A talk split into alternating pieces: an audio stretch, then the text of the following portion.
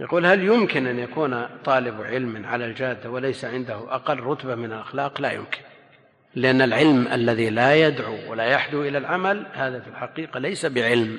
وإن عرف أحكام بأدلته هذا ليس بعالم وجاء في الخبر يحمل هذا العلم من كل خلف عدوله. فالذين يحملون العلم هم أهل العدالة لا أهل الفسق ولا أهل الجفاء. فالذين يحملون العلم هم أهل العدالة وما يحمله الفساق من معرفة بأحكام. معرفة بأدلة هذا في الحقيقة لا يسمى في العرف الشرعي علم لأن العلم في الحقيقة ما نفع. ولذا قال أهل العلم في قول الله جل وعلا إنما التوبة على الله للذين يعملون السوء بجهالة. إيش معنى بجهالة؟ الآن إذا شرب الخمر ثم تاب هل نقول هل أنت تعرف الحكم ولا ما تعرف؟ هل أنت جاهل بالحكم أو عارف؟ إذا قال عارف بالحكم وأنه حرام نقول لك توبة ولا ما لك توبة؟ له توبة ولا ما له توبة؟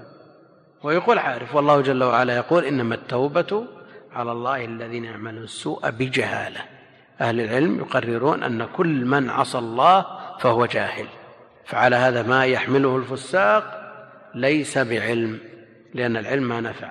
والعلم الذي لا ينفع في معاملة الخالق ومعاملة الخلق هذا ليس بعلم في الحقيقة. هل يوفق يقول من هذا حاله فوالداه يشكيان وزوجته من غلظة وعدم احترام؟ هذه المسألة التي آه، افتتحنا بها الكلام وأنه لا بد أن يكون طالب العلم قدوة في بيته وقد يوجد في البيت مجموعة من الأولاد فتجد من يشار إليه في هذا البيت من أنه من طلاب العلم جبل على شيء من سوء الخلق وتجد بالمقابل من لا يهتم بالعلم وليس من طلاب العلم عنده شيء من التودد والتحبب. على كل حال ما جبل عليه الإنسان عليه أن يحاول جاهدا أن يتخلق بالخلق الحسن والخلق بالتخلق والحلم بالتحلم والعلم بالتعلم. المسألة تحتاج إلى جهاد نفس.